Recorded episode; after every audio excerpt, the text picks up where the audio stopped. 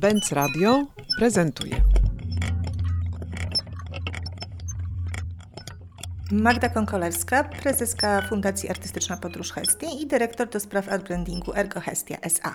Waszą najnowszą inicjatywą jest e, wprowadzenie mm, wiedzy o tym, czym jest art branding, wprowadzenie do Polski.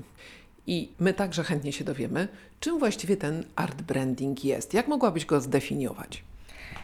Myślę, że art branding najprostszą definicją tego pojęcia, które wcale nie jest pojęciem jakimś takim stałym i jak na przykład w Google'asz art branding, to tam nic nie wyjdzie poza nasz portal. Mam wrażenie, że te słowa, ten zbitek tych słów powstał przy okazji jedynej książki na rynku w języku polskim Igora Gałąskiewicza o tym właśnie tytule Art Branding, ale tak naprawdę to nie jest pojęcie, które tak funkcjonuje, ale pojęcie o tyle pełne, czy dające dużo możliwości wypełnienia go, a jest o mądrym związku i współpracy sztuki i biznesu. Ten przymiotnik mądry, na nim położyłaś akcent, to było słychać. No dobrze, to w takim razie czym jest taka mądra współpraca? Na czym to polega? Bo nawiązywanie kontaktów między biznesem a sztuką no zwykle przybiera formę zakupów albo wspierania wydarzeń, a tutaj ten dodatkowy przymiotnik o mądrości w jakim kierunku nas prowadzi? Mówiąc mądry związek czy mądra relacja sztuki i biznesu, mam na myśli dialog, a nie zakup li tylko, czyli nie traktowanie sztuki jako produktu, ale jako pewnej przestrzeni, w której możemy rozmawiać o wartościach marki, czy wartościach usługi, czy wartościach produktu za pomocą języka sztuki. Sztuka dostarcza nam doświadczeń, emocji i niczego bardziej nie potrzebujemy, żeby móc pokazać wartości danego produktu czy marki, jak właśnie takiego doświadczania. Czyli nie oglądania z zewnątrz, tylko doświadczania. I takiego rodzaju doświadczeń sztuka dostarcza i umiejętne korzystanie z tego typu doświadczeń może innym językiem pokazać to, co my ważnego w biznesie chcemy zakomunikować. No dobra, to w takim razie spróbujmy pokazać to na przykładach. Czy mogłabyś przywołać jakieś udane przykłady tego rodzaju działania? No ja bym Państwa odesłała natychmiast do portalu, portalu uncommongrant.pl, na którym to portalu właśnie pokazujemy i opowiadamy historię współpracy różnych marek z różnymi dyscyplinami sztuki, głównie ze sztukami wizualnymi, bo tym się zajmujemy. Więc wydaje mi się, że taka wizyta na portalu da Państwu więcej niż moja opowieść, bo nie tylko można poczytać, ale przede wszystkim można te efekty obejrzeć i można się rozsmakować właśnie w tej, w tej takiej relacji mądrej, o której mówię, bo tych przykładów na świecie, ale też i w Polsce troszkę jest. Jeśli miałabym opowiedzieć o jakimś przykładzie, to najchętniej oczywiście o własnym, ponieważ portal powstał na bazie doświadczeń wielu lat, co najmniej dziesięciu, pracy ze sztuką wewnątrz firmy Ergohestia. I ta praca y, daje niezwykle ciekawe rezultaty, nie tylko definiujące produkt, na przykład raport roczny, ale budujący pewien, no właśnie dialog.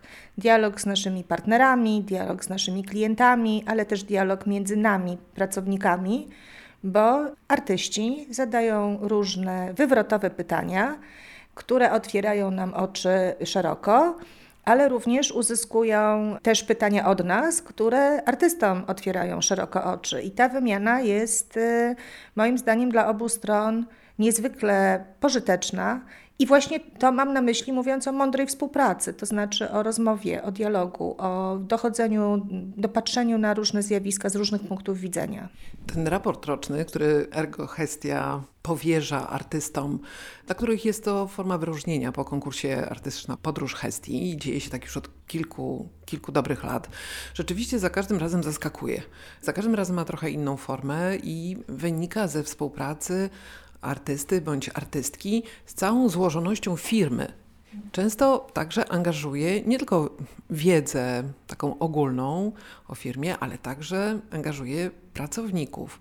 I teraz Magda, na tyle to jest oryginalne działanie, to co robicie, na tyle unikalne, jeśli chodzi o zaangażowanie pracowników, że tak naprawdę bardzo by mi zależało na tym, żebyś opowiedziała o tym, jak to wprowadzenie sztuki do firmy, dużej firmy, jaki to ma wpływ na właśnie tych, którzy tam pracują. Nie tych, którzy są w zarządzie, nie tych, którzy decydują o, o no na przykład o tym, czy konkurs Artystyczna Podróż Hestii jest realizowany, ale jak to działa z tymi ludźmi, którzy po prostu są w strukturach? No oczywiście najlepiej byłoby się tych ludzi zapytać, natomiast no, ja mogę podzielić się swoimi obserwacjami. Po pierwsze, myślę, że znacząco wzrasta ciekawość wobec procesu twórczego. To znaczy, w ogóle rozpoczęło się już parę lat temu myślenie, co to w ogóle jest proces twórczy. I w związku z tym próba, myślę, że wiele osób odkrywa w ogóle, czym jest sztuka dzisiejsza, czyli sztuka, która no niekoniecznie przekłada się na dzieło, które jest znane, medium, jak obraz, jak malarstwo, czy grafika, czy rzeźba, tylko na czym w ogóle polega działanie twórcze. I myślę, że ta wiedza może i przyczynia się wśród wielu ludzi do myślenia o swojej pracy w inny taki sposób. Być może właśnie popatrzenia się na siebie jako twórcę. I też wydaje mi się, że to powoduje, że się ludzie wychodzą poza swój taki hermetyczny zawodowy język, bo wiadomo, że każda organizacja ma taki swój język, swoje procesy, swoje nazewnictwo. I ludzie wkraczają w kompletnie inny obszar y, językowy też. Jakby zadają pytania, które słyszą od artysty, są tak zaskakujące, że uruchamiają w nich inny tryb myślenia niż inny tryb języka, niż ten, którym się posługują na co dzień. Bo jeżeli artysta wchodzi do call center, każdy sobie może wyobrazić call center albo widział na filmie. Ja na przykład widziałam pierwszy raz w rzeczywistości call center. To jest wrażenie niesłychane, bo to są po prostu dziesiątki ludzi, którzy siedzą w słuchawkach, mają nie za dużo miejsca i rozmawiają o milionach bardzo ważnych dla jakiegoś człowieka na końcu tego druta życiowych sprawach i zazwyczaj nieszczęściach. I jak artysta wchodzi do takiego call center, to on nazywa to. Dla nas, dla ludzi, którzy tam pracują, to jest oczywiste. Natomiast on to nazywa i zadaje pytanie, czy można te wszystkie rozmowy usłyszeć naraz? I menadżer, który stoi koło niego i go oprowadza, jest spłoszony. No po prostu jest spłoszony, to jest dobre słowo. I mówi, ale po co? No to artysta mówi, nie, nie, no tak tylko pytam, żeby zobaczyć tak ogrom tego. Nastąpiła długa cisza i menadżer mówi po chwili, już taki bardziej wyprostowany, no z technicznego punktu widzenia to jest możliwe. No i to jest taka prosta rozmowa, która pokazuje kompletnie inne myślenie o tym zjawisku, z którym mamy do czynienia. Czyli myślimy sobie, że ojej, to rzeczywiście, no, mamy tutaj po prostu milion jakichś ciężkich przypadków i tu po prostu wszyscy rozwiązują jakieś ludzkie problemy, kłopoty. I to nie jest Kowalski, Ania, Zosia czy Marcin, tylko, tylko tam są jakieś miliony ludzi i nagle patrzymy się na swoją pracę z zupełnie innego punktu widzenia. I to niby to jest oczywiste, ale nie jest, dopóki się tego pytania nie zada. Jeżeli firma mówi, odnieśliśmy sukces, w tym roku, no to każdy w biznesie mówi: No tak, wynik finansowy był bardzo dobry. Ale przychodzi artysta i mówi: Słuchajcie, ale jak taki sukces się odczuwa? Znaczy, co to znaczy odczuć sukces? Czy on w ogóle, nie wiem, ma jakiś zapach albo smak, albo czego można dotknąć poza posiadaniem podwyżki? Czy on ma jakiś inny wymiar? Ludzie mówią: A, sukces. No w zasadzie co to jest ten sukces?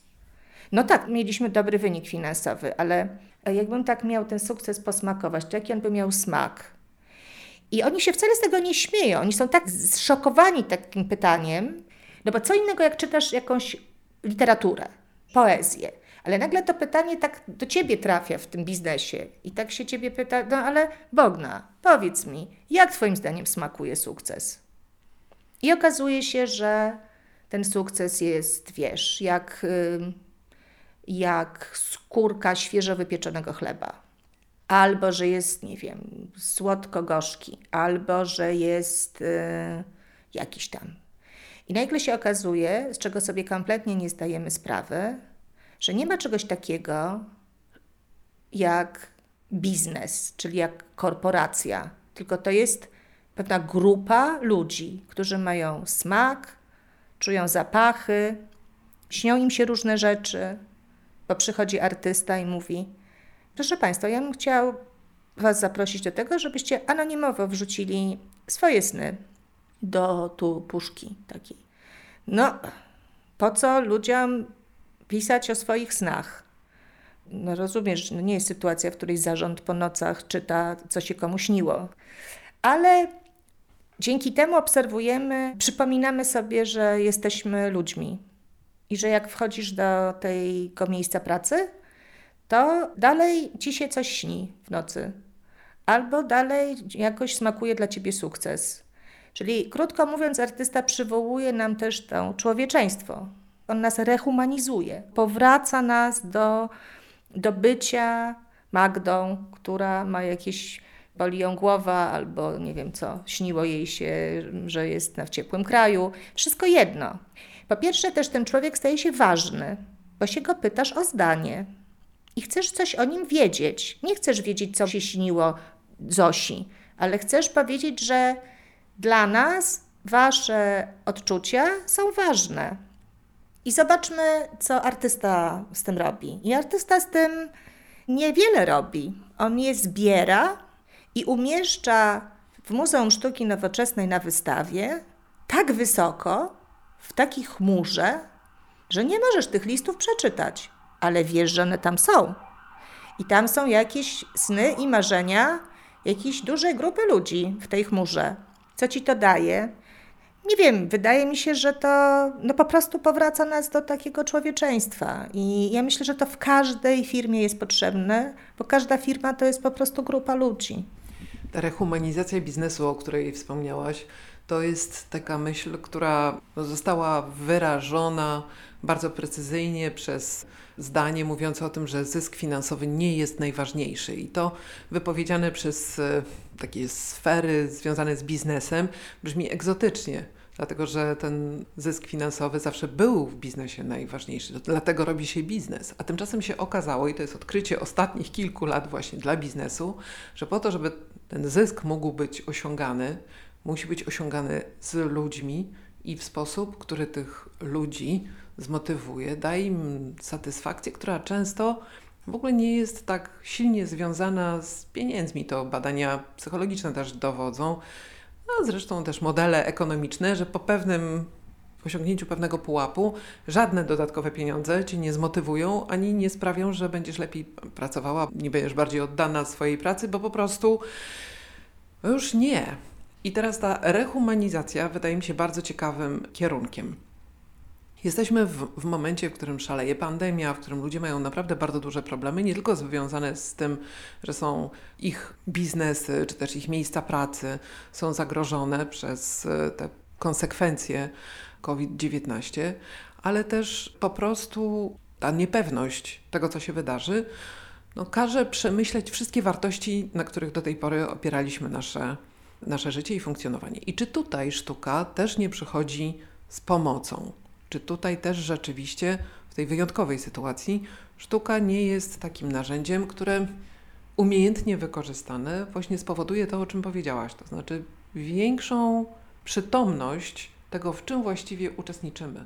No wiesz, jeżeli, jeżeli wyjdziemy od prostej, ale chyba kluczowej, kluczowego takiego stwierdzenia, że sztuka to są emocje, a jest to prawda, no to gdzie łatwiej się przejrzeć, w jakim lustrze, niż w sztuce?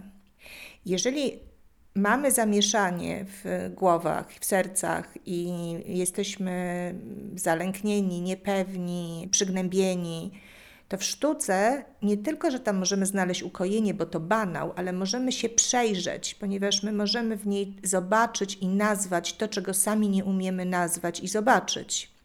I teraz, jakby przez ten uniwersalny język, nie jesteśmy wtedy sami. Sztuka nam daje poczucie wspólnoty, że to jest przeżywane nie tylko przeze mnie, że daje nam takie poczucie, że właśnie jest to takie wielkie lustro, że możemy się tam razem spotkać i że możemy sobie razem o tym porozmawiać albo coś razem przeżyć. I nawet jeżeli to są przeżycia związane z lękiem, ze strachem, to, to jest nam raźniej. Bo ja jestem daleka od takiego myślenia, że sztuka ci zaraz pomoże. Ona ci pomoże, bo ona ci pomoże przeżywać te pozytywy, ale też pomaga ci przeżywać te negatywy. I właśnie dlatego, że jesteś częścią tego języka. Czyli jak się patrzysz na krzyk Munka, to masz poczucie tego lęku, takiego współdzielenia tego lęku. Nie jesteś sam. A jak y, chcesz odetchnąć i popatrzysz się na piękne obrazki impresjonistów, które cię gdzieś przeniosą, wiesz, na pola, makowe, nie wiem, to to oczywiście, że to, to nie zmieni twojego życia, ale to ci da ten wentyl ulgi. I jeżeli na to tak patrzysz, no to niekorzystanie z tej sztuki, czy nie zaprzyjaźnianie się z nią, również w tych biznesach, jest jakimś zamknięciem oczu na bardzo ważny język. Język, z którym możemy poznawać świat, możemy wzbudzać kreację naszą, możemy inicjować nowe pomysły, nawet przez zaprzeczenie. Tego to w ogóle nie rozumiem. Nie wiem w ogóle o czym to jest. Po co w ogóle to się dzieje? No właśnie to zadawanie pytań jest dla biznesu kluczowe. Dlatego, że biznes, żeby być innowacyjny, musi bez przerwy zadawać pytania i nie może sam sobie tych pytań zadawać. Ponieważ on już wie, znaczy on już wygenerował ilość tych odpowiedzi w ramach tego swojego, w tym oku cyklona. On musi dostawać pytania z zewnątrz i musi dostawać odpowiedzi z zewnątrz, musi dostawać tą pożywkę. I Uncommon Grant, który jest taką trudną nazwą, jest o tym, że to nie jest łatwe i że no pytanie, czy to jest common ground, to właśnie jest common ground, to jest wspólny, dlatego An jest w naszym takim, wiesz, nawiasie, bo teoretycznie te światy są gdzieś daleko, bo w praktyce one są dokładnie w tym samym miejscu, tylko z jakichś powodów słabo się porozumiewają. Przynajmniej niewystarczająco, może tak. Bo mamy, mamy wiele przykładów. Art branding jako taki jest od starożytności. Po prostu tylko my tego nie, nie patrzymy tak. Bo my nie patrzymy, co chciał zamawiający powiedzieć, czyli dialogować ze swoim odbiorcą, jak zlecił na malowanie kaplicy sykstyńskiej. No przecież nie po to, żeby było tam tylko pięknie, tylko o czymś ta historia jest. No ale po co ta historia tam została namalowana? Żeby ten, kto tam wchodził, coś odczuł. No to jest, to jest czysty art branding. Ja nawet tego nie trywializuję, to po prostu tak jest. My zapominamy o tym, że obcując ze sztuką, szczególnie w starych czasach, przez tą całą historię sztuki, my obcujemy w wielu przypadkach z zamówieniami. Kiedy ktoś chciał pokazać wartości we współpracy z artystą. To, co jest bardzo pociągające też w takiej dojrzałej i mądrej współpracy między biznesem a e, środowiskami kreatywnymi, to jest jednak stwarzanie lepszego świata, który dzisiaj jest no, takim naszym marzeniem, ponieważ to, co nas otacza, tak bardzo często nas przygnębia. A więc to jest także w mikroskali działanie we wspólnocie tak jak powiedziałaś, czasem nawet bardzo odległych od siebie środowisk i światów, po to, żeby znaleźć tę wspólną rzecz. A znajdowanie wspólnoty w dzisiejszym podzielonym świecie to jest naprawdę ogromna sztuka i wiemy, że bez niej przyszłość będzie niemożliwa. Dlatego, Magda, mam do Ciebie takie trudne dosyć pytanie. Jak byś zachęciła tych wszystkich, którzy jeszcze nie wpadli na ten pomysł, a mogliby, mogliby chcieć Jakbyś zachęciła do tego, żeby wprowadzać tego rodzaju strategie właśnie w firmach, które mają tę możliwość, mają jednak pewne narzędzia do tego, żeby inicjować takie projekty, moim zdaniem mocno nakierowane na wyobrażenie sobie świata lepszego, w którym jesteśmy w stanie nawiązywać współpracę, współpracę czasami paradoksalne, ale właśnie nakierowane na wspólnotę. Jakich argumentów byś użyła? Wiesz co, ja myślę, że my nie robimy różnych rzeczy, bo nie wiemy. Ja myślę, że wiedza tutaj jest y, w ogóle kluczowa, że jakby trudno jest generować y, takie pomysły, jeżeli się jakiegoś kwantum przykładów nie zobaczy. I myślę, że zrobienie portalu Uncommon Grant to jest bardzo duży wysiłek finansowy, organizacyjny, intelektualny ale on też stawia nam, jako firmie, bardzo wysoką poprzeczkę. Bo jeżeli my sami mówimy, że zachęcamy, to my też musimy do tego poziomu jakby ciągle się wznosić ponad to, co już mamy. I teraz on powstaje dlatego, czy powstał dlatego, żeby właśnie tą ilość przykładów różnego typu pokazać. Dlatego on jest podzielony na trzy części, bo on nie jest tylko o biznesie i współpracy z artystą. On ma też swój komponent w sztuce, bo bez sztuki tego nie ma. I ma też coś, co się nazywa radar. I ten radar to jest dla każdego. Ja bym myślę, że ponieważ to jest o rzeczach, które czynią ten świat piękniejszy. Więc jeśli chcecie pomyśleć o związkach ze sztuką, to powiedziałabym, bardzo szczerze, zaczęłabym od czytania Uncommon Grandu. Dlatego, że i to nie o to chodzi, żeby, wiesz, wyciągać kalkę, bo tego się nie da skalkować, tylko to może spowodować, że po prostu to spektrum pomysłów ci się gdzieś rozszerzy. Do mnie zadzwoniła pani z dużej firmy i powiedziała, czy państwo możecie zrobić taki sam raport dla nas.